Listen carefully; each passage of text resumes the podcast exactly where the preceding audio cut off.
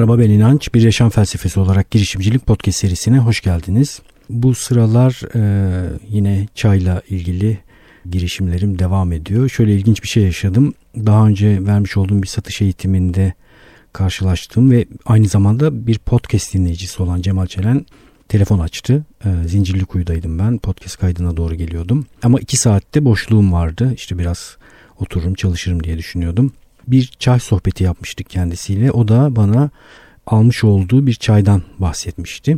Şimdi oradayım alayım sana bırakayım bir ara dedi. Ben de mekanı biliyorum Gayrettepe civarında. E dedim iki saat boşluğum var geleyim birlikte oturalım çay içelim muhabbet edelim. Aa yaşasın dedi. Böyle bir tesadüf oluştu. Cemal'in yanına gittim. Orada bir esnaf lokantası tarzı bir yer var. Ee, yıllardır Cemal'in dostluk ettiği arkadaşı, kurucusu arkadaşı olan bir yer. Altın Tepsi isminde bir yer. E, fırında pişiriyor yemeklerini. İşte Cemal daha önce yağ tedariği yapıyormuş ona. E, çok güzel ve doğru yağlar kullandığını biliyor. Yıllar içerisinde dostlukları gelişmiş. Sahibi Mehmet'le de oturduk. E, çay içtik. E, Mehmet'in öyküsü e, Rizeli olduğu için çay bahçeleri var. E, o da çayı çok seviyor ve kendi çay bahçelerinden toplamış olduğu çayı fabrikaya götürüyorlar. Bildikleri bir fabrika var. Orada işleniyor e, elekler varmış çay işlendikten sonra çayın içerisinden geçtiği elekler. Bir numaralı elek, iki numaralı elek böyle yediye doğru gidiyor. En iyi çay iki nolu elekten çıkıyor. Tozu falan olmayan bir elek. İki nolu elekten kendisine özel çayları alıyor ve e, o lokantada o çayı demliyor. Arada da isteyenler tanıdıkları o çayı satın alabiliyorlar. Böyle bir e, durum. Heyecanla tabii ki ben çayı içtim. Çok güzel aromatik. Çay üzerine de biraz sohbet ettik. Tabii Türk çayının bir takım sıkıntıları var. Çayla biraz uğraşmaya başlayınca, e, çay konusunda damak tadınızı geliştirdikçe, iyi çaylar denemeye başladıkça dünya çaylarını da keşfediyorsunuz. Benim yolculuğum da öyle olmuştu. Bir sürü dünya çayını keyifle tüketiyorum. Genelde dünya çaylarında 3-4 dakikalık demleme süreleri vardır ve çok güzel sonuç alınır. Mesela Çin çayları vardır, siyah çaylar gerçekten 3-5 dakika içerisinde efsane aromatik ve lezzetli güzel çaylar elde edebilirsiniz. Türk usulü çay demleme aslında çaya biraz ihanet oluyor. İşte 15 dakika 18 dakika arası demleme yapılıyor. Çayın tarlada işlenmesinden tutun da fabrikadaki işlenme sürecine kadar bir sürü kayıp var. Kalite ile ilgili bir sürü problem var. Ben hep hayretle takip etmişimdir bu Türk çayının öyküsünü. Hep de e, araştırmaya çalışmışımdır standart kalitede çay bulmak pek mümkün değildir. Zaten çay fabrikasına gitmeden önce kalitesi artırılabilecek birçok noktada o hamleler yapılmaz. Hatta kalite düşürücü bir takım hamleler yapılır. Böyle ilginç bir toplumuz. En çok çay tüketen ülkelerden birisiyiz. Ama çay üzerine düşünce üretme konusunda kısırız. Çayın kalitesini arttırma konusunda çok iyi değiliz. Ee, bir yandan da bütün bu işte çay macerası içerisinde Türk usulü demlenen çayı da hayatımın içerisinde tutuyorum. Ve e, bir takım kültürel alışkanlıklarla da devam ettirdiğim bu alışkanlığı kendi çapımda iyileştirmeye çalışıyorum. İşte kaliteli dem elde etmeye çalışıyorum. Rengini iyileştirmeye çalışıyorum. Bu seyahati, bu yolculuğu siz de takip ettiniz. Yaptığım iyileştirme çalışmalarından da bahsetmiştim. Bir şekilde şunu kabul etmek gerekiyor. Artık o noktaya ulaştım. Böyle bakır rengi koyu bir demi standart Türk çayından elde etmek çok mümkün olmuyor. Eğer çok koyu renkli, bakır renkli böyle çok güzel bir dem alıyorsanız muhtemelen içerisine bir miktar Seylan çayı ya da başka bir dünya çayı katılmış oluyor ve çoğu zaman bunu da söylemiyorlar. Bu da biraz sinir bozucu. Ee, mesela bu aldığım çayı aldım işte e, altın tepsinin sahibi Mehmet'in tarlasından toplanmış ve onun kontrolünde iki nolu elekten çıkmış çayı demledim. İlk demleme sonucu aroma olarak çok iyi, kompleks bir lezzet var ama renk konusunda sıkıntı var. Mehmet de zaten onu söyledi. Yani sadece Türk çayından çok koyu dem elde etmek mümkün değil dedi. Pes etmek üzereyim. Araştırmalarım ve çalışmalarım devam ediyor ama galiba kabullenmemiz gerekiyor. Yani bu şekilde e, tarladan çıkan ve bu şekilde işlenen bir çaydan elde edebileceğimiz demin kalitesinin belli sınırları, belli kısıtları var. Ben kendi çapımda bir takım dünya çaylarıyla harmanlayarak yine de kendi açımdan çünkü ben görsel olarak da çayın belli bir kıvamda olmasını seviyorum, tercih ediyorum. İyileştirme çalışmaları yapmaya devam ediyorum. O sohbet sırasında tabii böyle ücra bir köşede ama etraftaki plazalardan bir sürü insanın geldiği bir mekan olduğunu da fark ettim. Biraz sohbet edince sahibiyle niye böyle olduğunu da anlıyor insan. hemen hemen her aşamasına müdahale eden kalite odaklı e, mesela zeytini belli bir kalibre zeytin olarak e, özel e, belli tarlalardan toplatarak işleterek elde eden aynı şekilde peyniri Ezine'de yine kendi kontrolünde ürettiren e, bütün girdi kriterlerini kendince iyileştiren mekanı temiz, düzenli tutmaya çalışan, şeffaf olarak mutfağını kameralarla herkese açan ve bütün bu konulara dikkat eden birisi. Trafiği olmadığı halde önünden geçen insanlar olmadığı halde bazen taşınanlar arabayla ya da minibüslerle de oraya geliyorlar ve yemek yiyorlar. Tekrar bir işin kaliteli ve iyileştirme anlayışıyla yapıldığında e, karşılığını bulduğunu görmüş olduğum için de çok sevindim açıkçası. Bu hafta böyle biraz temaslarla geçti. E, Hatay'da e, bir market açmış olan bir podcast dinleyicisi bana yazdı. Çok enteresan, çok küçüklüğünden beri esnaf olmayı istemiş.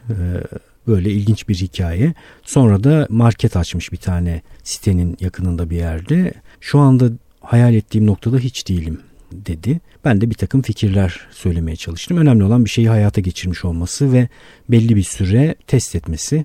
Batık maliyet oluşturmadan ben başladım bu işi sürdürmeliyim diye düşünmeden bu testin sonucunda ya bu işi iyi hale getirmesi ya da çıkması gerekiyor. Çıkmayı bilmek de önemli çünkü. Ona söylediğim şeylerden birisi sizlerden de eğer perakende ile uğraşan birileri varsa onlar için de geçerli. Perakende yani bir bir yere bir mekana bir iş açıp o işi büyütmeye çalışıyorsanız dikkat etmeniz gereken bir takım şeyler var. Çok da basit formüller bunlar. Perakende için mesela bir mağaza için şunu söyleyebiliriz. Bu basit formül. Mağaza trafiği e, çarpı dönüşüm oranı çarpı fatura başı tutar. Bu üç şeyi göstergeyi çarptığınızda elde edeceğiniz kâra ulaşıyorsunuz. Yani mağazaya gelen trafik, mağazanın önünden geçen insanlar, mağazadan haberdar olan insanlar, Bihuni'nin en dış tarafı, geniş tarafı diye düşünün. Bu insanlardan bir kısmı müşteriye dönüşüyorlar. Muhakkak kayıplar olacaktır. Yani her geçen sizin müşteriniz olmaz. Sonra bu dönüşmüş olan müşterilere de kestiğiniz bir fatura var. Bu üçüne müdahale ederek işinizi iyileştirmeniz mümkün. Yani ya trafiğinizi arttıracaksınız. Trafiği arttırmanın proaktif yollarından birisi nedir? Bir kere bu mekanı açarken en başta trafiği yüksek bir yerde açmak. E, perakende işinde önünüzden geçen insan sayısı çok önemli olduğu için trafiği yüksek bir yerde açtığınızda o mağazayı bir AVM'de olabilir ya da trafiğine güvendiğiniz bir yerde emlakçıya danışarak da bunu yapabilirsiniz. Bir kere yüksek trafiği garanti edersiniz. Diyelim ki işinizi açtınız bunu bilmiyordunuz ve düşük trafiğe sahipsiniz. O zaman trafiği arttırmanın bir takım yollarını bulmanız lazım. El ilanları, reklamlar, e, lokasyon bazlı yani sizin etrafınızdaki insanlara duyuru yapacak bir takım ilan türleriyle kendinizi duyurmaya çalışırsınız. Sonra yapmanız gereken bu duyuru kendinizi duyurduğunuz insanları müşteriye dönüştürme oranınızı arttırmak. O oran nasıl artar? Yüksek değer üretmeniz gerekir. Standart e, standartların dışında bir iş yapıyor olmanız gerekir. Müşteri memnuniyetini yüksek tutmanız gerekir. Bunu sağladığınızda dönüşüm oranınız artacaktır.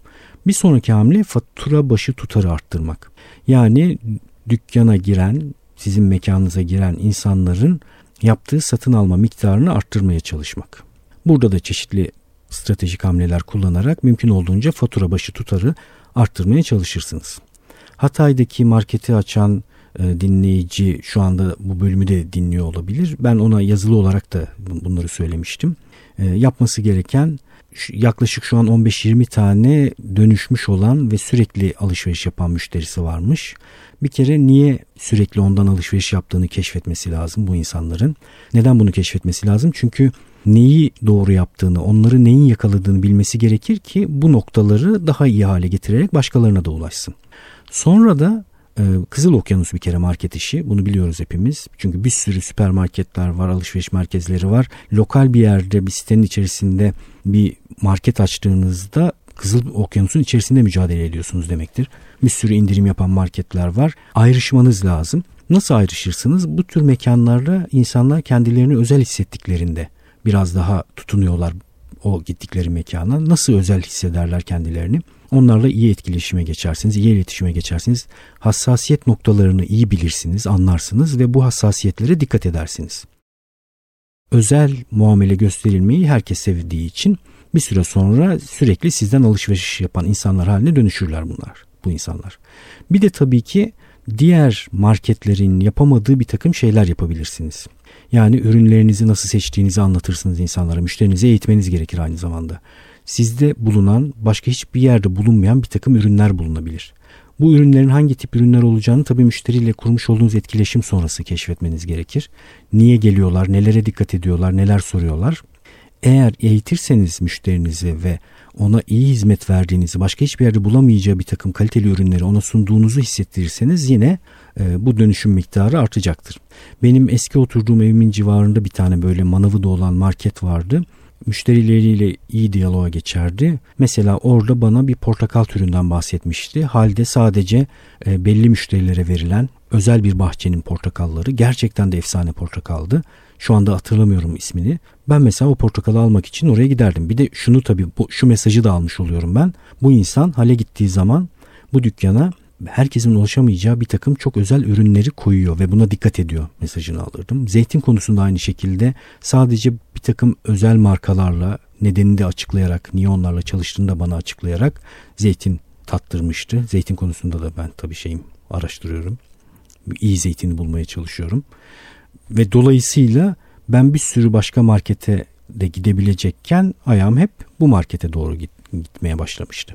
Yani özetleyecek olursak işte bir kuaförünüz olabilir, e, bir giyim mağazasını işletiyor olabilirsiniz, bir marketiniz olabilir. Bir mekanda bir hizmet veriyor olma durumunuzda müşterilerinizi dönüştürmeniz, eğitmeniz, onlara çok özel hizmet vermeniz, gerçekten işinizi iyi yapmanız, kaliteli ürünlerle onları buluşturmanız ve özel ürünlerle onları buluşturmanız gerekir. Kuaför örneğine dönersek nasıl yaparsınız bunu? Kuaföre gelen insanlar sizi tercih edenler niye tercih ediyorlar bunu anlarsınız yine ve bu yakalamış olduğunuz noktaları biraz daha standart hale getirmeye çalışırsınız. Özel hissettirirsiniz insanlara. Ee, yani lifetime value deniyor buna. Müşterinin yaşam boyu değeri. Bir müşterinin kazanılması zorlu bir süreç olduğu için kazanılan müşterinin sizden alışveriş yapmaya devam ediyor olmasını sağlamak çok önemli bir nokta. Yani hem yeni müşteriler kazanmaya devam edeceksiniz hem de kazanmış olduğunuz müşterilerle ilişkiniz tek seferlik ilişki olmayacak. Çoğu küçük esnafın yapmış olduğu günü kurtaran, o anlık kazanç sağlayan ama müşteriyle kurduğu ilişkiyi zedeleyen bir takım hamlelere hiç kalkışmayacaksınız. Bütün bunları yaparsanız iyi bir noktaya gelebilirsiniz. Girişimcilik açısından düşündüğümüzde bu tarz mekanlar iyi girişim haline nasıl gelirler? Biraz daha zincirleşmeye müsait şeyler yapmanız gerekir. Yani örnek vereyim bir perakende giyim mağazası açtınız, kendi markanızı kurguladınız ve bu giyim mağazası içerisinde başka başka markaları getiriyorsunuz. Bir tane perakende giyim mağazasında çalışan bir model kurgularsanız bu modeli kurgularken de denklemin dışına çıkmaya çalışın her zaman. Yani mağazanızın müdürü olsun. Siz mağaza müdürlüğü yapmayın. Tamamen sizin dışınızda olduğunuz bir kurgu içerisinde Örnek verelim bir tane böyle giyim mağazası açtınız ve e, ayda 20 bin lira gelir getirmeye başladı bu yer birkaç sene sonrasında ve siz de denklemin dışındasınız. Yani mağazada e, e, satış danışmanları var, mağaza müdürü var, mağaza müdür yardımcısı var. Siz sadece arada kontrol ediyorsunuz, denetliyorsunuz. Bunu sağladığınız anda hemen bu modeli kopyalayabilirsiniz. İkinci, üçüncü, dördüncü, beşinci mağazalarınız, Türkiye'nin başka yerlerinde başka mağazalar ve hatta sonra belki franchise verebilir duruma geçebilirsiniz. Yani girişimcilik açısından düşünecek olursak bu tarz yerler içinde siz gömülü kalırsanız batarsınız. Sizin gömülü kalmamanızı sağlayacak sistemleri kurgulamanız lazım. Çoğu zaman bu tarz işleri yapanlar bir süre sonra işin içerisinde boğulmaya başlıyorlar. Yani kendi kendilerinin e, çalışanı haline dönüşüyorlar. Halbuki amaç girişimcilik açısından amaç çalışan sistem kurgulamak. Sizden bağımsız olarak çalışan sistem kurgulamak. Sizin orada yapmanız gereken doğru mekan seçimi, doğru personel eğitimi, müşteri deneyiminin iyileştirilmesi, bütün bunların sağlanması, marka değerinin yükseltilmesi ve sonrasında da bu şeyi bir tür ölçekleme yardımıyla daha büyük zincirlere doğru büyütmek ve gelirinizi büyütmek yapılması gereken budur. Bu perakende ile ilgili tabii benim kafamda çok e, gezdirdiğim bir şeydir, modeldir. E, belki ileride de yapmayı düşündüğüm bir model. E, sorularınız olursa bana sorabilirsiniz. Üzerine yoğun düşündüğüm bir e, iş modeli türü diyelim. Elimden gelen yardımı yaparım. Evet. Şimdi girişimcilik üzerine düşünmeye devam edeceğiz. Yakın dönemde daha önce podcast'te de biraz hızlıca üzerinden geçtiğim bir makale tekrar karşıma çıktı. Tabii ben düşünmeye e, yaptığım işi iyileştirmeye, düşüncelerimi berraklaştırmaya devam ediyorum. Onun için bu makale ilk okuduğumda da beni çok etkilemişti. Şimdi de yine etkiledi ve bütün bu serüvenin sonucunda kendi yaşadığım yolculuğun sonrasında bu makalenin üzerinden tekrar birlikte geçmenin hepimize faydalı olacağını düşündüm. Şimdi bunu yapacağım. Girişimcileri girişimci yapan nedir isimli bir makale. Sara Sarasvati'nin yazmış olduğu bir makale. Washington e, Üniversitesi İşletme Fakültesinden bir öğretim üyesi. Ee, şöyle bir hatta e, Harvard Business Review'da da çıkmış. Şöyle bir araştırma yapmış Sara. 1997 yılında acaba girişimcilik öğretilebilir mi? Girişimciliği bir bilgi kümesi olarak ehlileştirebilir miyiz? Girişimci düşüncesi nedir? İlkeleri var mıdır ve bunu başka insanlara öğretebilir miyiz diye bir araştırma yolculuğuna çıkıyor 1997 yılında ve Amerika'daki 17 eyaleti birkaç ay boyunca geziyor ve 200 e, milyon dolarla 6,5 milyar dolar arasında hacme sahip 30 tane şirket kurucusuyla bir çalışma yürütüyor. Çalışmanın mantığı çok basit. 17 sayfalık bir problem seti veriyor. 2 saatte çözülecek. Ve aynı problemleri herkes çözüyor. Herkese aynı kaynaklar veriliyor ve aynı ürün fikri sunuluyor. Ve diyor deniliyor ki bu problemlere siz nasıl yaklaşırsınız, nasıl ele alırsınız diye kayıtlar yapılıyor. Sonra bu kayıtlar inceleniyor ve bu kayıtların incelenmesi sonrasında girişimcinin nasıl düşündüğüne dair bir takım ipuçları buluyor Sara. En önemli bulduğu ipucu şu. Girişimciler effectual reasoning kullanıyor. Yani e, nasıl çevirebiliriz? Sonuç alıcı, etkili düşünme, mantık kullanıyorlar. Diğer tip mantık nedir? Nedensellik içeren mantık. MBA programlarında işte dünyadaki çeşitli işletme fakültelerinde daha çok nedensellik düşüncesi öğretilir. Yani geleceği tahmin etmeye çalışarak, pazar araştırması yaparak bir hedefe doğru, bir amaca doğru elinizdeki kaynakları optimize ederek o hedefe ulaşmaya çalışırsınız. Aristo'nun e, zafer, iyi düşüncesini hatırlayın, mantık şablonunu hatırlayın. Aristo'nun düşüncesi nedensellik içeren bir düşünce tipi. Yani gelecekteki bir durumu tarif ediyoruz ve şimdiki zamandan elimizdeki kaynakları, imkanları kullanarak o durumu oluşturmak üzere bir takım eylemlerde bulunuyoruz. Ve bunu da mantık çerçevesi içerisinde yapıyoruz. Stratejik düşünmenin temelinde de bu vardır. Ben bu tarif ettiğim durumu şimdiki zamandan itibaren nasıl inşa ederim? Sorulan soru budur ve işin içerisinde bir miktar yaratıcılık da vardır. Şart değil tabii ama yaratıcılık da vardır işin içerisinde. Çünkü gelecek inşa ediyorsunuz. Bu çalışmada ortaya çıkan şey şu. Kurucular erken aşamalarda bu tarz bir düşünce yerine etkili, sonuç alıcı bir düşünce, mantık yürütme biçimi kullanıyorlar. Farkı da şu gelecekte bir nokta tarif edip bir durum tarif edip bunu hayata geçirmeye çalışmak yerine bulundukları noktadaki imkanlar, işbirlikleri ve kendi kişisel kapitallerini, psikolojik sermayelerini ve her tür bilgilerini kullanarak yola çıkıyorlar ve yolda karşılaşacakları bir takım çıkan durumları da analiz ederek bu kaynaklarla ben nereye gidebilirim diye bir anlık soruşturmaya çıkıyorlar. İkisi arasında fark var. Araştırmanın söylediğine göre iyi kurucular, iyi yöneticiler bu iki tip düşünceyi gerekli durumlarda kullanıyorlar. Yani biri ya da diğeri iyi ya da kötü değil. Orta ve uzun vadeli gelecek kurgusunda Aristo'nun şemasının ötesine geçmek mümkün değil. Onu yapmak gerekiyor zaten. Ama bir de tam olarak ne yapacağını bilmeme durumlarında bir dakika şimdi ben bu bulunduğum noktada hemen yola çıkarak ne yapabilirimi düşünerek de yolda bir strateji kurgulamak mümkün. Bunun için de ağır detaylı pazar araştırması yapmak yerine e, kurucular elimdeki imkanlarla en hızlı bir pazara, markete nasıl ulaşabilirim ve bunu en ucuz yolla nasıl yapabilirim? En hızlı, en ucuz ve optimum şekilde. Fark anlaşıldı herhalde. Bir tanesinde düşünce biçiminde ulaşmaya çalıştığım o hedefe, o geleceğe elimdeki kaynaklarla nasıl ulaşabilirim sorusu var. Diğerinde ise nereye ulaşacağımı bilmiyorum ama harekete geçmek istiyorum. Elimde de bir takım kaynaklar ve imkanlar var. Buradan yola çıkarak bir yere doğru gideyim, başlayayım diyorsunuz. Benim podcast içerisinde kategori değiştirmekten kastettiğim de böyle bir şeydir hatırlarsınız. Yani uzun uzun derin derin düşünmeyi bırak harekete geç bir an önce bir şeyleri yapmaya başla elindeki imkanları kullan mümkün olan en hızlı şekilde en e, ulaşabileceğin dar markete, pazara ulaş ve ondan sonra kendi yolunu sürdürmeye çalış. Burada e, yazarın verdiği iki tane örnek var. Nedensel düşünceye örnek olarak mesela Cengiz Han'ı vermiş. Dünyanın üçte ikisini e, ele geçiren Cengiz Han Aristo tarzı bir e, yaklaşım kullanıyor. Yani elde etmek istediği şeyi elde etmesi için ne yapması gerektiğini mantıksal bir şekilde kurgulayarak nedensellik ilişkisi yapıyor. Diğerine örnek, güzel bir örnek Kolomb.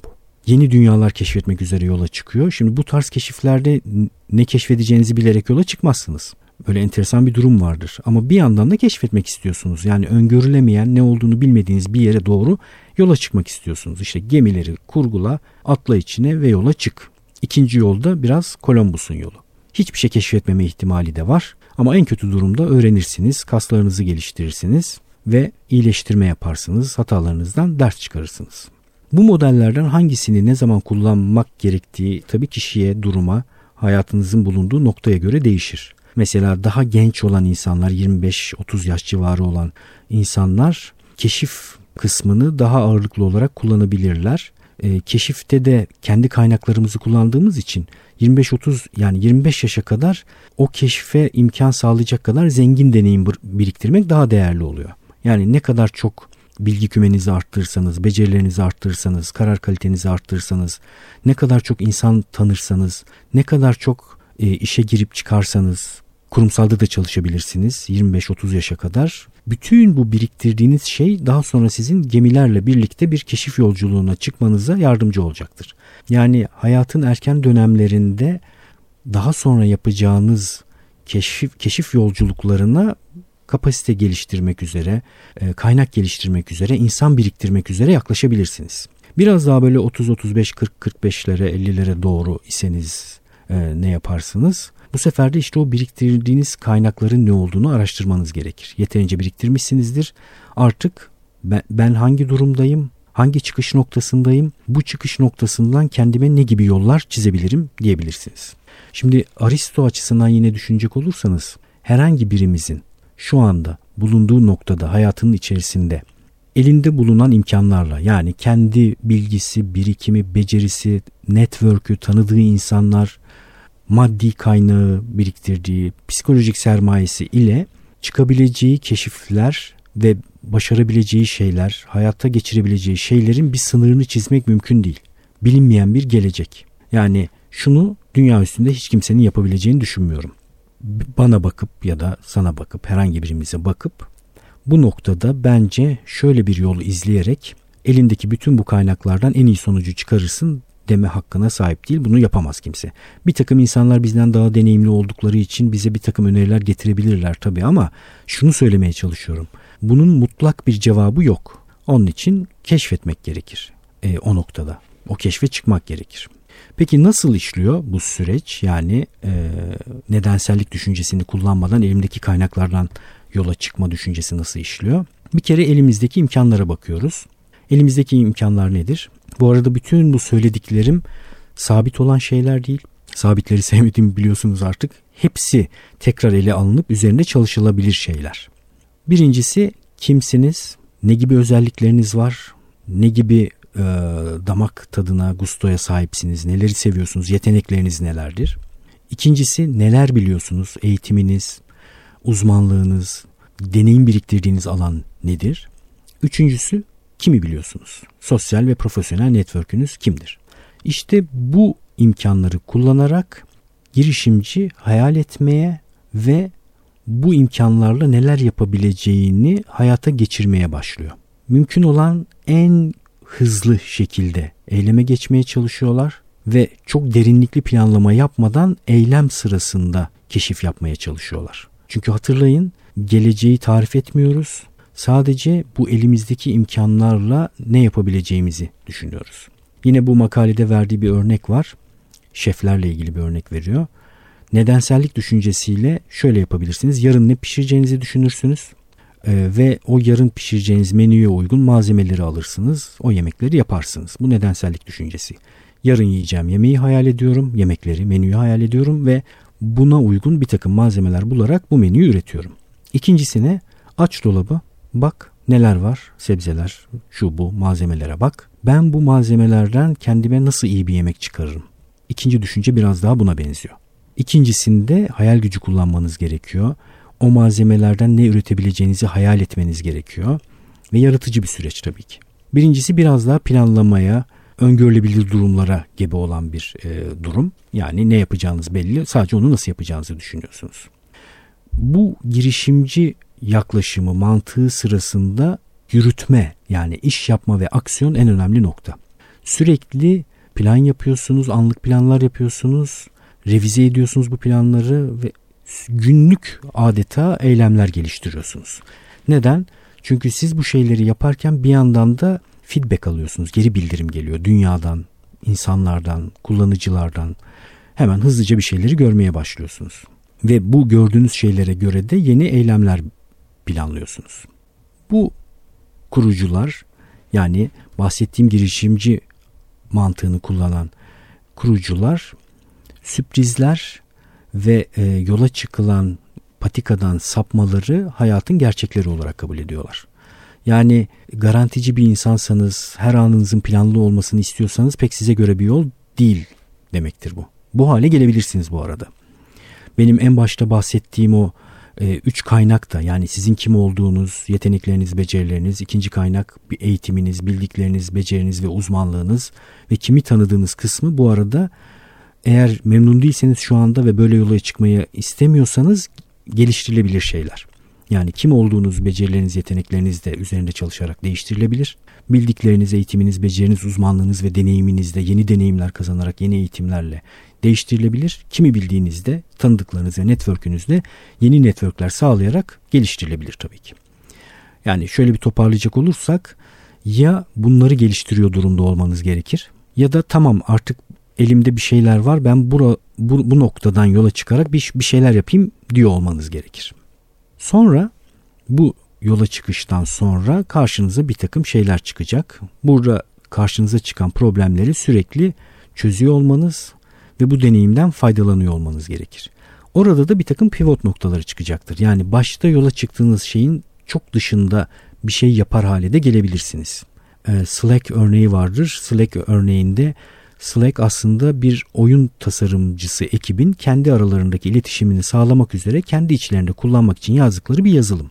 Ama sonra o kadar faydasını görüyorlar ki bu yazılımın oyun tasarlamak ve oyun ortaya çıkarmak yerine bu yazılımı geliştirip dünyaya bunu açıyorlar ve şu an Slack herkesin ekiplerin kullandığı bir yazılım haline dönüşmüş durumda. Başta ellerindeki imkanlarla bir ekibi bir araya getirip oyun tasarımına geçmiş olmasalar gömülü kalacak bu şey. Slack diye bir şey belki de olmayacak. İki düşünce tarzının da avantajları ve dezavantajları var. Bir örnek vermiş makalede. Diyelim ki Hint restoranı açmak isteyen bir girişimci düşün, düşünelim. Klasik nedensellik sürecinde nasıl davranır bu insan? Restoran endüstrisini inceler, bir pazar araştırması yapar. Bu pazar araştırması sonrasında kendisine uygun bu restoranı açacak bir şehir seçer. Çünkü pazarda ihtiyaç olduğunu görür. Sonra yine bir pazar araştırması sonrasında kendine bir segment belirler. Yani kendisinin müşteri olacağı kendisine müşteri olacak insanları belirler. Bu insanların yoğunluklu olarak gittiği bir lokasyon seçer. Trafiği yüksek bir yer seçer. Sonra da yine hedef kitlesinin damağına, keyfine, zevklerine uygun bir mekan tasarlar. Yatırım alır ya da kaynak bulur. Bir ekibi bir araya getirir ve sonra restoranın gündelik operasyonlarını yürütmeye çalışır. Diğer tür yani etkili etkin sonuç alma sürecini kullanan, girişimci düşüncesini kullanan anlayış tanısı yaklaşırız. Bu durumda diyelim ki iyi bir Hint restoran yani iyi bir Hint yemekleri şefimiz var ve bu bahsettiğimiz detaylı pazar araştırması ve nedensellik düşüncesiyle iş yapmak istemiyor ve girişimci anlayışıyla bir iş yapmak istiyor. Çok az da parası var. Bu durumda ne yapacaktır? Pazara nasıl bu fikri ortaya yani bu fikri hayata geçirip pazara nasıl sunacaktır?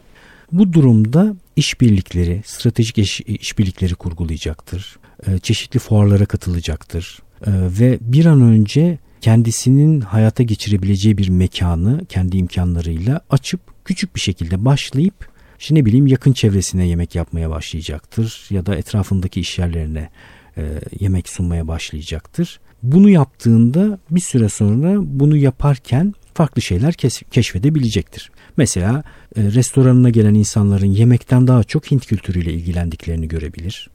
Oradaki dekorasyonun onu etkili, onları etkilediğini keşfedebilir ya da başka bir şey keşfedebilir.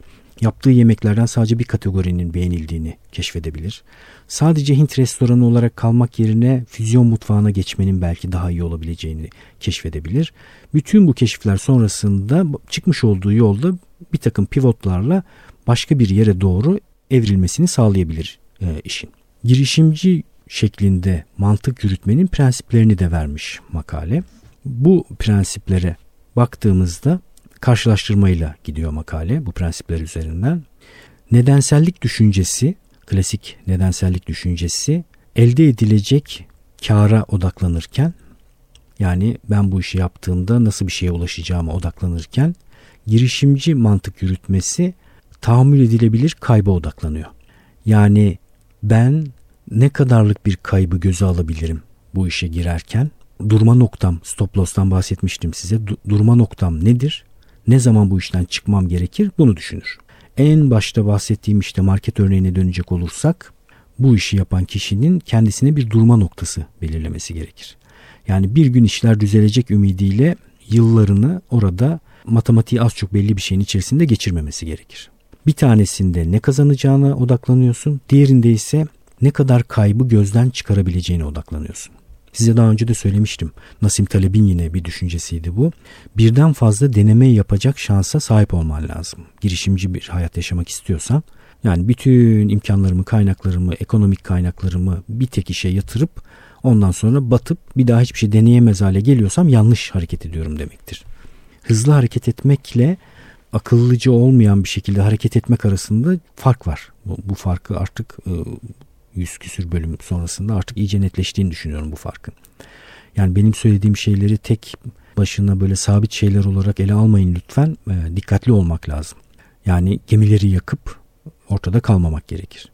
Bu tarz girişimci anlayışlarında, e, girişimci düşüncesini kullanan anlayışlarda, hareket tarzlarında neyi kaybetmeyi kabul ettiğinizi baştan ortaya koyarsınız. Bu size bir anlamda cesaret verecektir. Deneme gücü verecektir.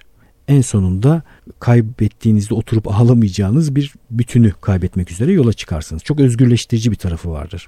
Diğeri ise ürkütücü. Ürkütücü bir durumda hatalarınızdan ders çıkarmanız, öğrenmeniz ve yola devam etmeniz mümkün değil. Yani kendinizi batırmayın. İkinci prensip nedensellik düşüncesi rekabet analizine dayanırken girişimci düşünce biçimi stratejik ortaklıklara, ekiplere, ekiplerin gücüne dayanıyor. Yani rakiplerim ne durumda, pazar ne durumda, ben nereye nasıl gireceğim diye düşünmek yerine ben kimlerle nasıl işbirlikleri kurarak bir takım kaldıraçlar kullanarak çok iyi duruma geçebilirim onu düşünmeniz gerekiyor. Üçüncü ilke nedensellik düşüncesi var olan bilgiyi kullanarak, var olan pazar bilgisini kullanarak bir takım tahminlerde bulunmaya çalışıp optimizasyon kullanırken girişimci düşünce biçimi yolda karşısına çıkacak olan ve şans eseri karşısına çıkacak olan bir takım şeyleri kaldıraç olarak kullanma anlayışını gerektirir.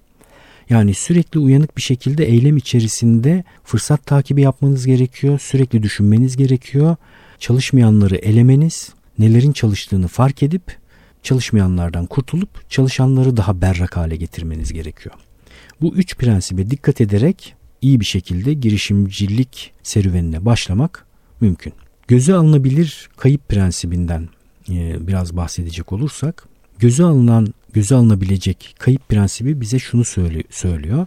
Bu girişimcilik yolculuğuna çıktığımda e, kaybetmeyi, başaramamayı bir kenarda tutuyorum ve bu şeye harcayacağım zaman, e, zaman e, ve efor ve paranın bir sınırı var. Yani bu testi, bu deneyi ne, ne süreyle yapacağım, ne zaman bu testi bırakacağım ve ne olursa bırakmayacağım sorularının cevabını önceden biliyor olmanız gerekir.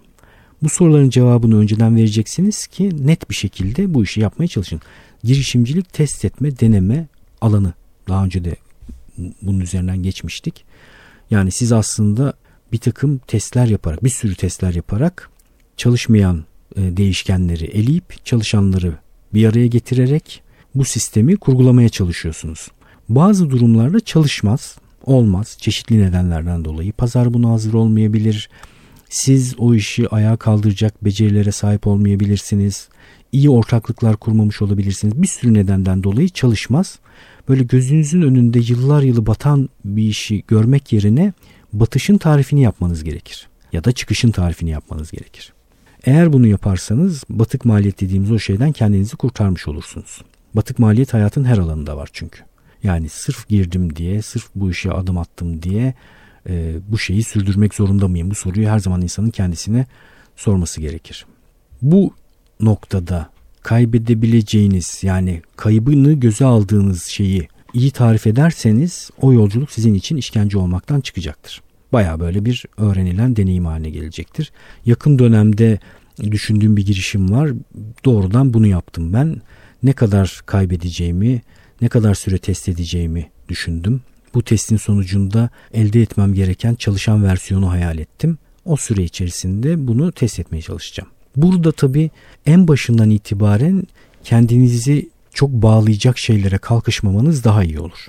Yani ne bileyim ortaklık kuracaksınız diyelim böyle 5 yıllık 10 yıllık uzun bir yolculuk hayal etmeye çalışmak yerine ortakların birbirini tanımasına fırsat verecek şekilde çok küçük bir parçayı test ederek başlayabilirsiniz. Emin olun bu küçük parçayı test ederken başta hayal ettiğinizin çok dışında bir dünya ile karşılaşacaksınız. Çoğu zaman öyle olur. Ortakla vizyonunuz aynı olmayabilecek, meselelere aynı şekilde bakmıyor olabileceksiniz. E, ortaklık konusu gerçekten kritik bir konu. Bir yandan çok yüksek bir kaldıraç birileriyle birlikte iş yapıyor olmak ama bir yandan da hem kendinizi iyi tanıyor olmanız lazım hem karşı tarafı iyi tanıyor olmanız lazım. Birbirinizden neyi beklediğinizi iyi tarif etmiş olmanız lazım. Bir de bu işin çıkışını da tarif etmiş olmanız gerekir. Onun için benim tavsiyem ortaklık olan işlerde ne bileyim böyle bir senelik vadeler düşünülebilir. Tarafların birbirine çok böyle büyük vaatlerde bulunmadığı gel bir bakalım şu işi test edelim birlikte ayağa kaldırmaya çalışalım. Bir senenin sonunda devam edip etmeyeceğimize karar veririz diyebilirsiniz mesela. Onun için e, başta şartların tarif edilmesini çok değerli buluyorum. Tekrar ediyorum. Bu işe ben ne kadar kayıp öngörüyorum. Ne kadar kayıp beni üzmez. Zaman, maliyet, efor, psikolojik sermaye açısından. Ne kadar süre öngörüyorum? Yani ne kadar süre içerisinde bu işin meyve vermeye başladığını görmüş olmam gerekir ve bu meyvenin tarifi nedir?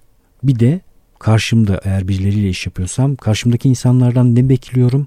Bütün bunları o süre içerisinde test etme şansına sahip oluyorum. Ondan sonra kapatır gidersiniz. Yakın dönemde takip ettiğim Pieter Levels'ı bilirsiniz. Daha önce bahsetmiştim. Yong Funk diye bir başkası var. Ee, yakın dönemde Peter Levels'ın e, izinden giderek bunu da duyurdu zaten kendisi. 12 ayda 12 startup projesine başladı. 5 tane startup kurguladı, ortaya koydu. 6. startup'a ağırlık vereceğim dedi. Remote çalışan, uzaktan çalışan ekiplerin kendi aralarındaki iletişimini sağlamak üzere bir video konferans tarzı bir SaaS hizmeti sunmaya başladı.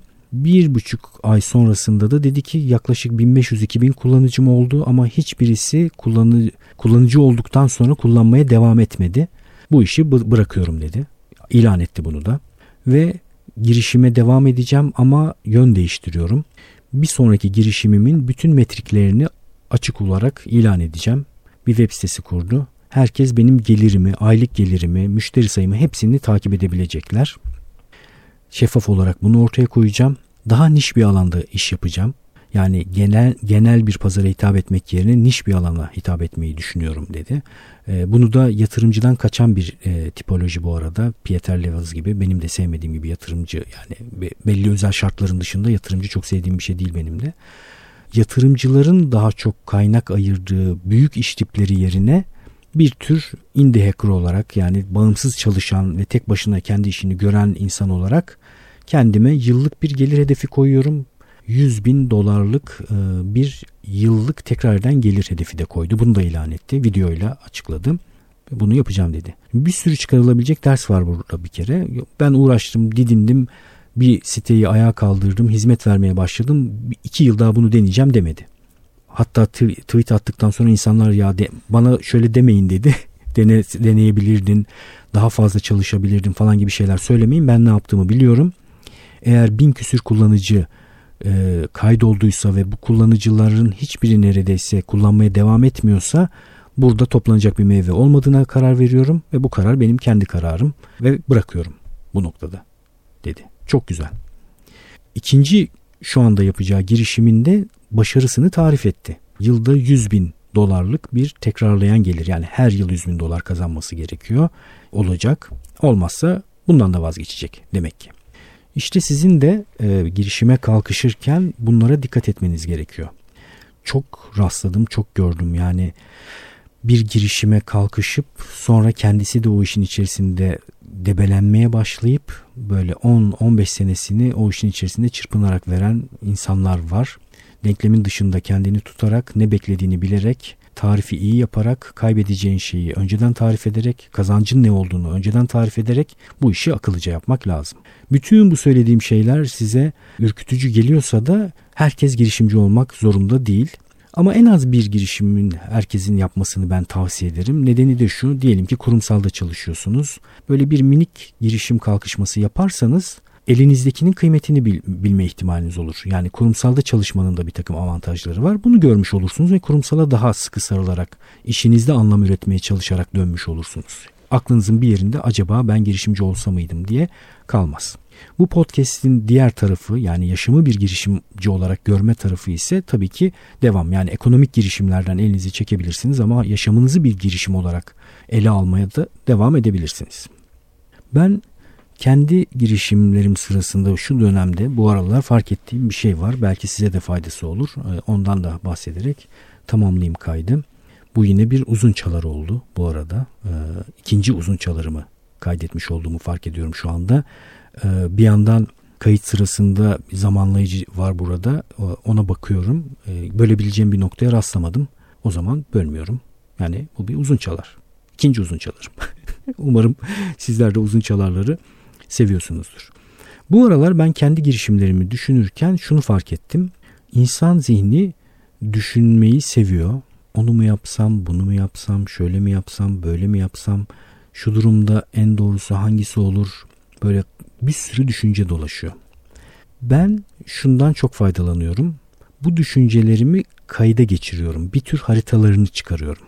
Ve bu benim iyi ağacımdaki bir noktaya oturup oturmadıklarını anlamaya çalışıyorum. Ve sürekli insanlarla görüşüyorum, fikir almaya çalışıyorum.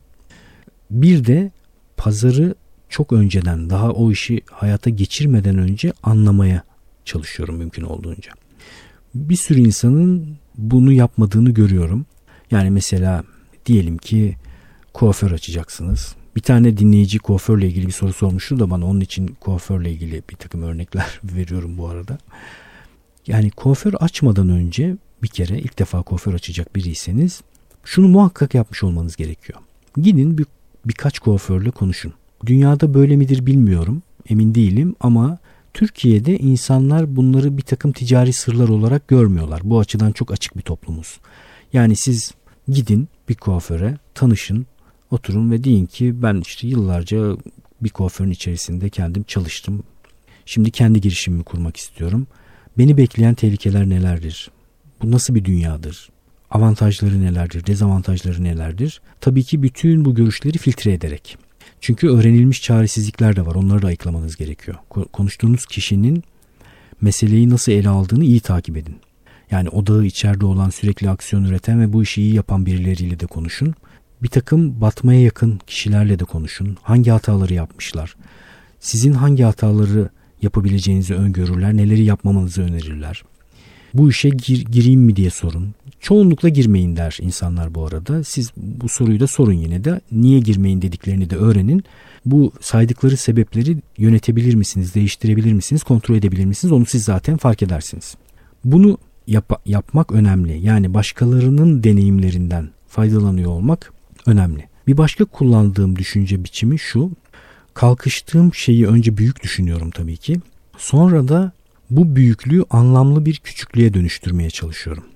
Yani e, çok büyük bir şeye adım atıp kalkışmak yerine o büyük şeye gireyim mi girmeyeyim mi sorusunu test edebileceğim bir küçük versiyon düşünmeye çalışıyorum.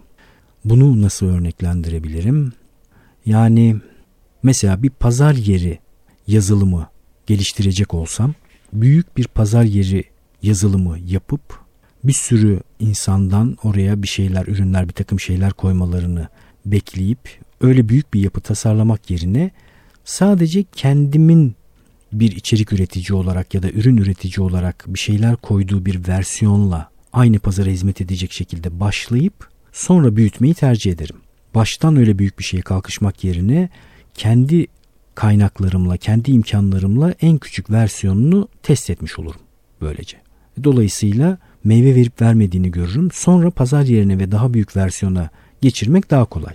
En azından buna kalkışarak bir sürü noktada beni benim motivasyonumu düşürecek şeyler yaşayacaksam onları görmüş olurum. Yani bu iş bana göre mi değil mi onun kararını vermiş olurum. Benim gözlemlediğim kadarıyla podcast'ten bana fikirlerini açan, e, toplantı yapanlar, sohbet ettiklerimle de görüyorum. Böyle çok büyük şeyler düşünme eğiliminde herkes. Herkes dünyayı kurtarmaya çalışıyor. Herkes çok büyük işler yapmaya çalışıyor. Bunun yerine anlamlı şey gibi yalnız şöyle düşünün. Eksik bir şey bahs eksik bir şeyden bahsetmiyorum. Yine tek başına çok anlamlı, çok kuvvetli olan sonrasında büyüyebilecek bir versiyonunu test etmekten bahsediyorum. Yani yine bir örnek vereyim. Perakendeden bir örnek vereyim. Organik ürünler satan, markası olan, çok güvenilir işler yapmaya çalışan bir yer açacağım diyelim ki bir marka oluşturacağım. Yatırım falan da var. Para sınırı kısıtı da yok. Böyle Türkiye'de 10-15-20 tane mağaza açmaya çalışmak ve buna kalkışmak yerine sadece bir tane mağazanın çalışan versiyonunu test etmeye çalışmayı tercih edebilirim. Hatta belki daha küçük versiyonu mağaza açmadan önce online organik ürünleri insanlarla buluşturmaya çalışabilirim. Böyle adım adım adım adım sonra o büyük şeye doğru gidebilirim. Bunu yaparsam eğer ben bir kere bu organik işler pazarında mutlu muyum? Burada değer üretmek bana keyif veriyor mu? Burada insanların karşıma çıkardığı problemleri çözmeyi seviyor muyum? Bütün bunların cevabını vermiş olurum. Bir takım insanlarla birlikte iş yapmaya kalkışırken de yine aynı şeyi yapmaya çalışıyorum. Büyük büyük laflar edip büyük büyük şeylere kalkışmadan önce birlikte yapabileceğimiz en küçük şeyi tarif edip onu yapmaya kalkışıyorum. Emin olun büyük konuşmaya geldiğinde ben dahil herkes çok büyük konuşabiliyor. Ama aksiyona dönüştüğü anda iş orada bir takım şeyleri görmeye başlıyoruz. Dirençleri görüyoruz, yapabilirlikleri görüyoruz, vizyon ortaklığı var mı onu görüyoruz. Özellikle birlikte iş yapılan durumlarda, ortaklıklarda vizyon meselesi çok önemli. Çünkü vizyon bir meseleye nasıl baktığınız, ortaya koyduğunuz değerler o işi sizin nasıl büyüteceğinizi de belirliyor. Yani ilke bazında etik olarak anlaşmadığınız, el sıkışmadığınız bir takım şeyler varsa baştan kaybediyorsunuz. Mesela siz her halükarda müşteri deneyimini önceleyen, müşterinin mutlu olmasını önceleyen, ticari olarak aşırı büyümek yerine çok doğru işler yapmayı tercih eden biri olabilirsiniz. Birlikte iş yapmaya çalıştığınız ekibin içerisinde para kazanalım, hızlı kazanalım ve bu yolda da e, bir takım ufak kandırmacalar da yapabilelim diyenler varsa o iş yürümeyecektir. İnsanları, durumları, işleri, her tür kalkıştığınız şeyi böyle e, topyekün büyük bir kalkışma haline getirmeden önce küçük, kısa süreli, yoğun bir takım testlerle test etmenizi öneririm. Hemen hemen her tür durum için geçerli bu. Birlikte bir YouTube kanalı yapacaksınız. Birlikte bir web sitesi kuracaksınız. Birlikte bir mobil uygulama tasarlayacaksınız. Birlikte bir oyun tasarlayacaksınız. Birlikte bir dükkan açacaksınız. Hepsinde bu şey geçerli bence. Baştan tarif edilmiş, kısa süreli, çıkışı belli olan, ayrılması kolay olan bir takım yapıları önce hızlıca test etmek ve bir sürü açıdan test etmek. Ben bu işi sürekli yapmak istiyor muyum? Bu insanlarla bu işi sürekli yapmak bana beni mutlu edecek mi? E, bu pazarda bu müşteri kitlesiyle bir arada olmak beni mutlu edecek mi? Gibi soruları görebileceğiniz bir takım testler kısa süreli, az maliyetli, sonradan size tekrar başka testler yapma imkanını verecek şeyler tasarlamanızı tavsiye ederim. Bir de tabii Türkiye'deki girişim dünyasına baktığımızda insanların çok fazla böyle gitmeyi düşünmediği bir sürü bakir alan var e, hala müşteriye çok güzel hizmetin gitmediği bir sürü alan var. Kendiniz de onu yaşıyorsunuzdur. Memnun olmadığınız, mutlu olmadığınız ya daha iyi olsun dediğiniz bir sürü alan var. Onlara bakıp burada bir takım iyileştirmeler yapabileceğinizi düşünüyorsanız onları yapmak lazım. Tabii bunları yaparken de matematik hiçbir zaman sapmıyor. doğru fizibiliteler yapmak gerekir. Yani bir işin uçabileceği yer az çok bellidir. Çerçevesi bellidir. Kazanabileceği para bellidir. Size getirebileceği değer bellidir. Bu hesapları baştan yaparak yani baştan yapılabilecek bütün hesapları baştan yapıp e, yola çıktıktan sonra doğru noktalarda pivot edip öğrenmeye devam edip hata yapmaya devam edip girişimci yolculuğunuzu sürdürebilirsiniz. Benim yani şu anda en azından tavsiyelerim bunlar. Ben kendi düşüncelerimi nasıl rafine hale getiriyorum? Mümkün olduğunca haritalandırmaya çalışıyorum. Yani şu anda ne yapmaya çalışıyorum? Bu yapmaya çalıştığım şeyi başka pazarda nasıl yapabilirim? Bu insanlarla bu işi yapmalı mıyım? Başka insanlarla mı yapmalıyım? Tek başıma mı yapmalıyım? Birlikten kuvvet doğar ama nasıl bir birliktelik kurgulamalıyım? Benim Aristotelyen anlamdaki uzun vadeli gelecek kurgumla örtüşüyor mu bu? Orayla konuşuyor mu? Oradaki bir yere bağlanıyor mu bu? Buna bakıyorum.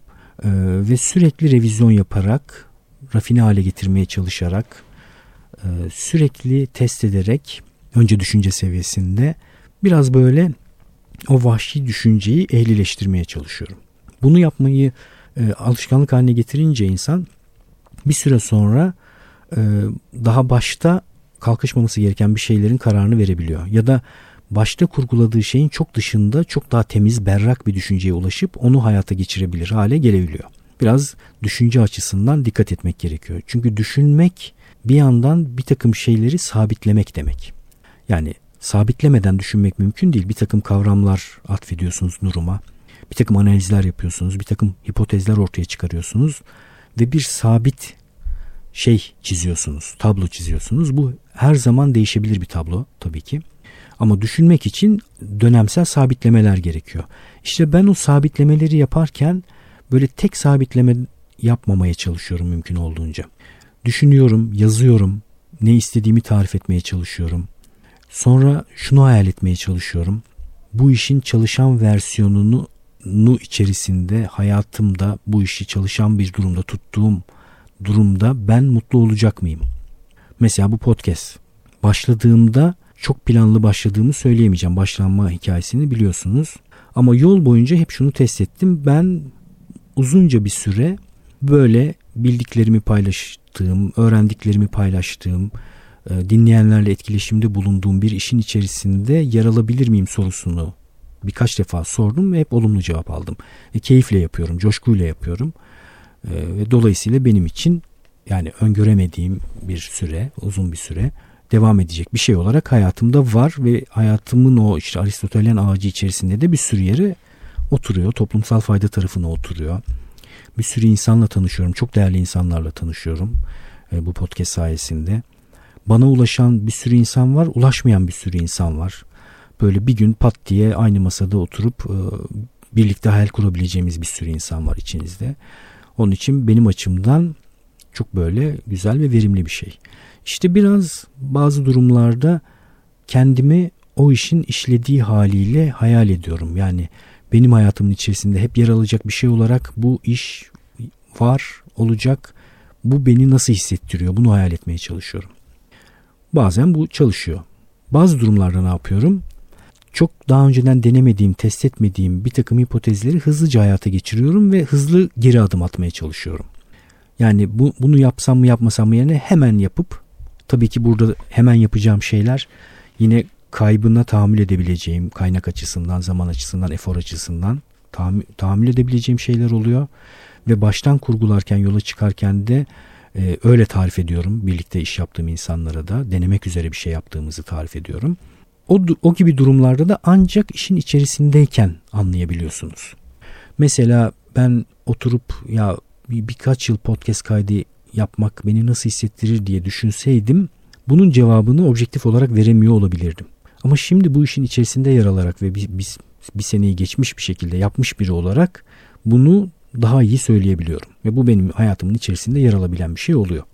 İşte siz de kendi hayatınızdaki şeylere bakarken bu heuristikleri, heuristikleri kullanabilirsiniz. Düşünce kalıplarını kullanabilirsiniz.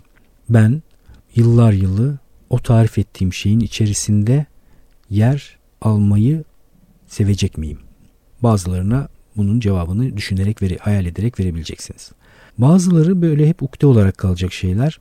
ne bileyim işte kurumsalla çalışıyorum ya acaba bir orkestra kursam da bir takım barlarda çok az para kazanmayı da göze alarak yarı profesyonel müzik yapsam mı?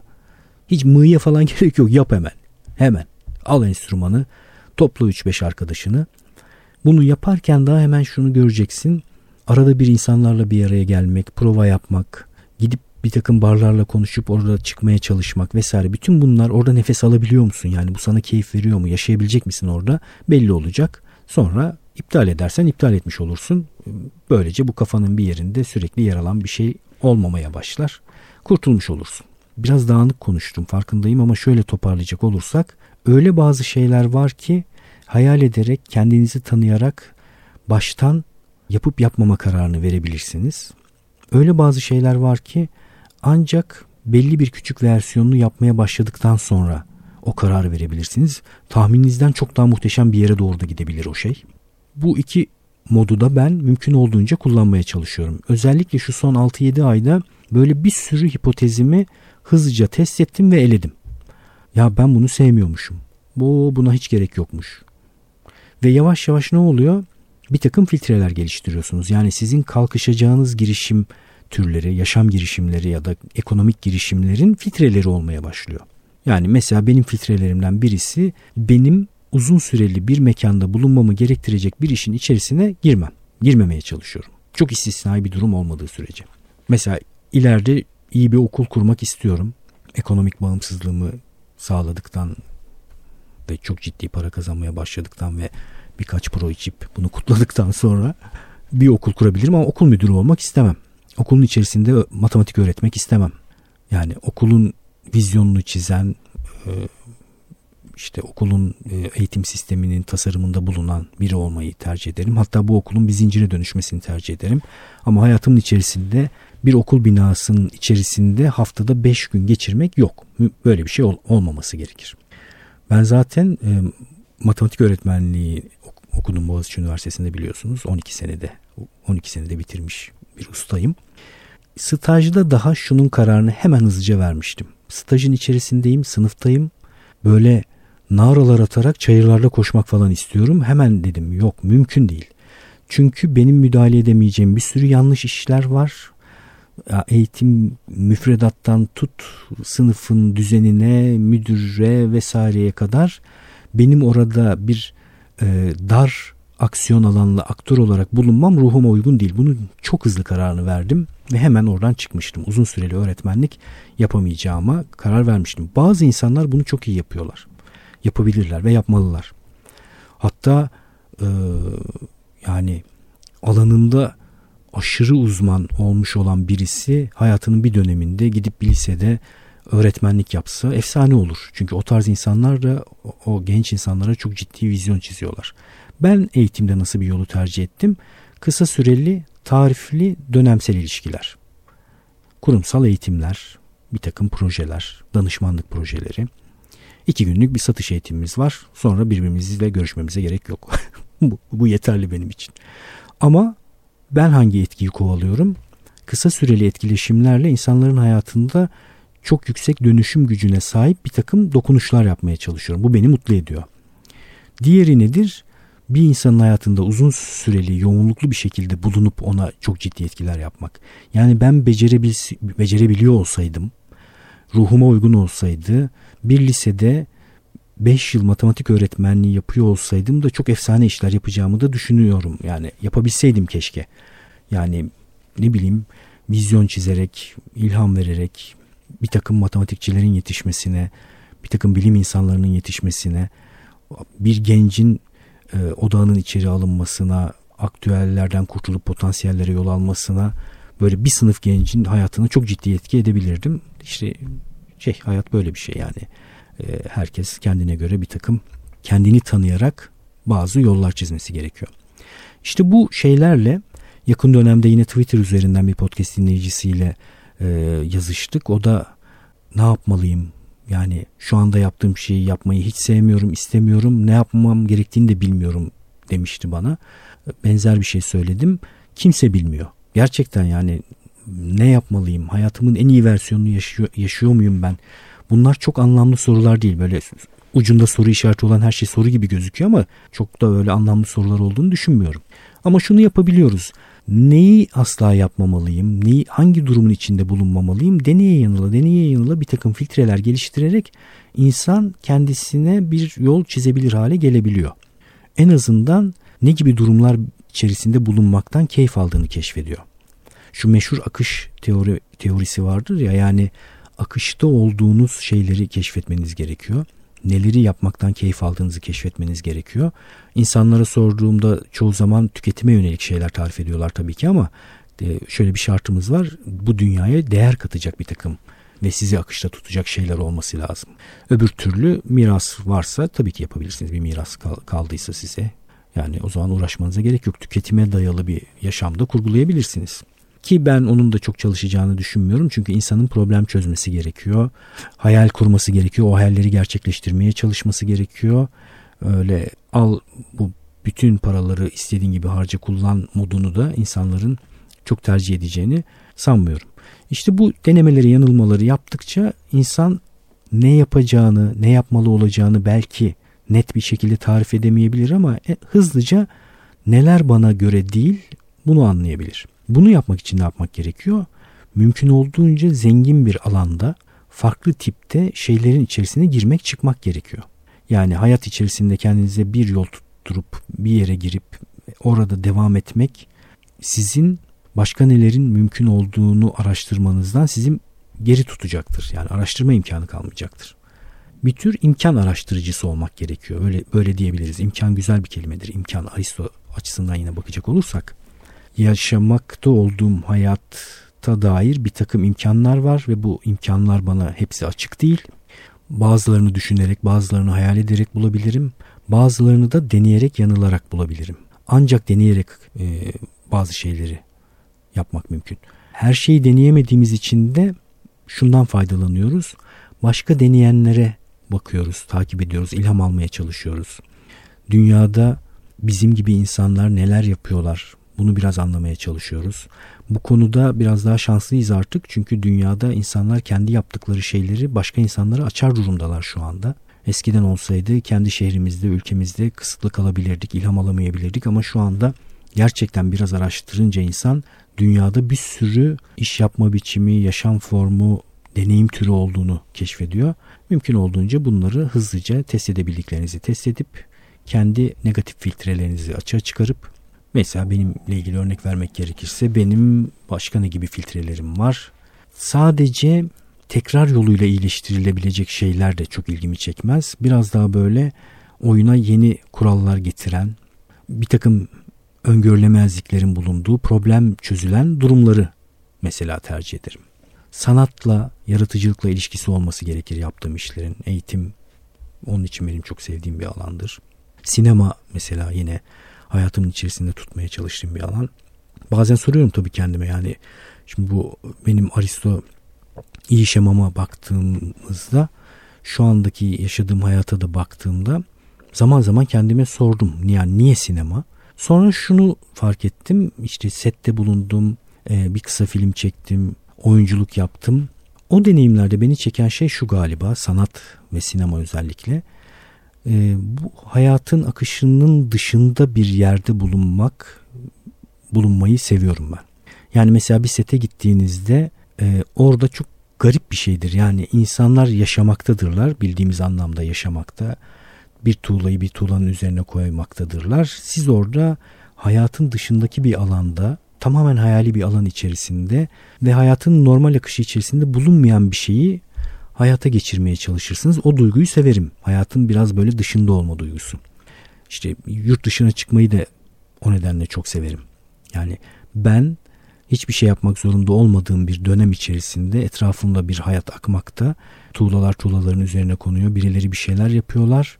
Ben ise adeta bir seyirci gibi hayatın nasıl bir şey olduğuna biraz daha dışarıdan bakabiliyorum o gibi durumlarda. Herhalde sinemayla ilgili beni en çok çeken taraf da bu. Sanatla ilgili beni en çok çeken taraf da bu. Çünkü aktüelin dışında bir dünyada ve bu hayatın koşuşturmacasının dışında bir alan. Hep hayatımın içerisinde öyle bir alan olmasını sevdiğim için herhalde yani şu ana kadar bulabildiğim cevap bu. İnsan bir şeyi niye yapmak istediğinin cevabına da tamamen sahip olamıyor. Kendimizi tamamen bilemiyoruz.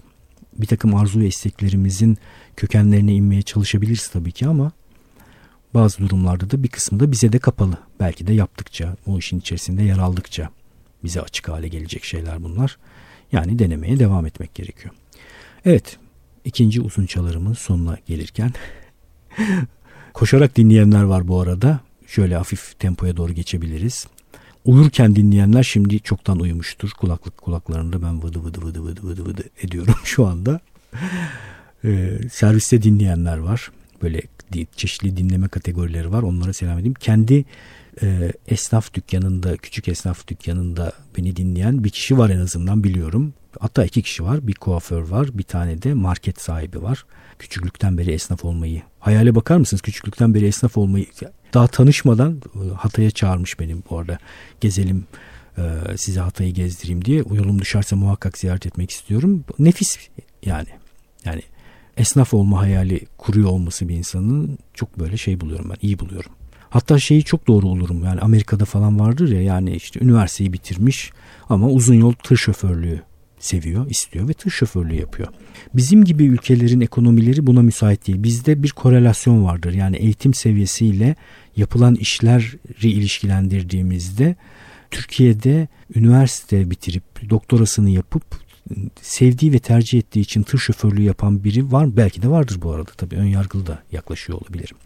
Ama benim gördüğüm kadarıyla genelde korelasyon oluyor. Daha doğru olan dünya insanların insanların hayatına değer katan bu işleri sevdikleri için yapıyor olmaları ve hak ettikleri parayı kazanıyor olmaları tabii ki. Onu daha çok severim. Yani doktorasını bitirip e, bir markette insanların hayatına esnaf olarak dokunmayı tercih ediyorsa birisi ve bunu hayal ediyorsa ve bundan keyif alıyorsa ne güzel derim. Öyle düşünüyorum. Benim için keyifli bir sohbet oldu. Umarım sizin için de öyle olmuştur. İnanç Ayar Instagram hesabından beni takip edin. Merhaba podcast'ten geliyorum diyenleri ekliyorum. Merhaba diyorum ben de. Girişim fikirlerinizi sorabilirsiniz, danışabilirsiniz, e-posta gönderebilirsiniz. YouTube hesabını takip edin. Orada da bir takım e, şeyler koymaya başladım. Ama çok az takipçisi var. Niye bu kadar az takipçisi var? Bu yayını dinleyelim ve birden uçsun YouTube takipçisi. YouTube'u dinlemiyorsanız da izlemiyorsanız da takip edin. Beni iyi hissettiriyor. Görüşmek üzere.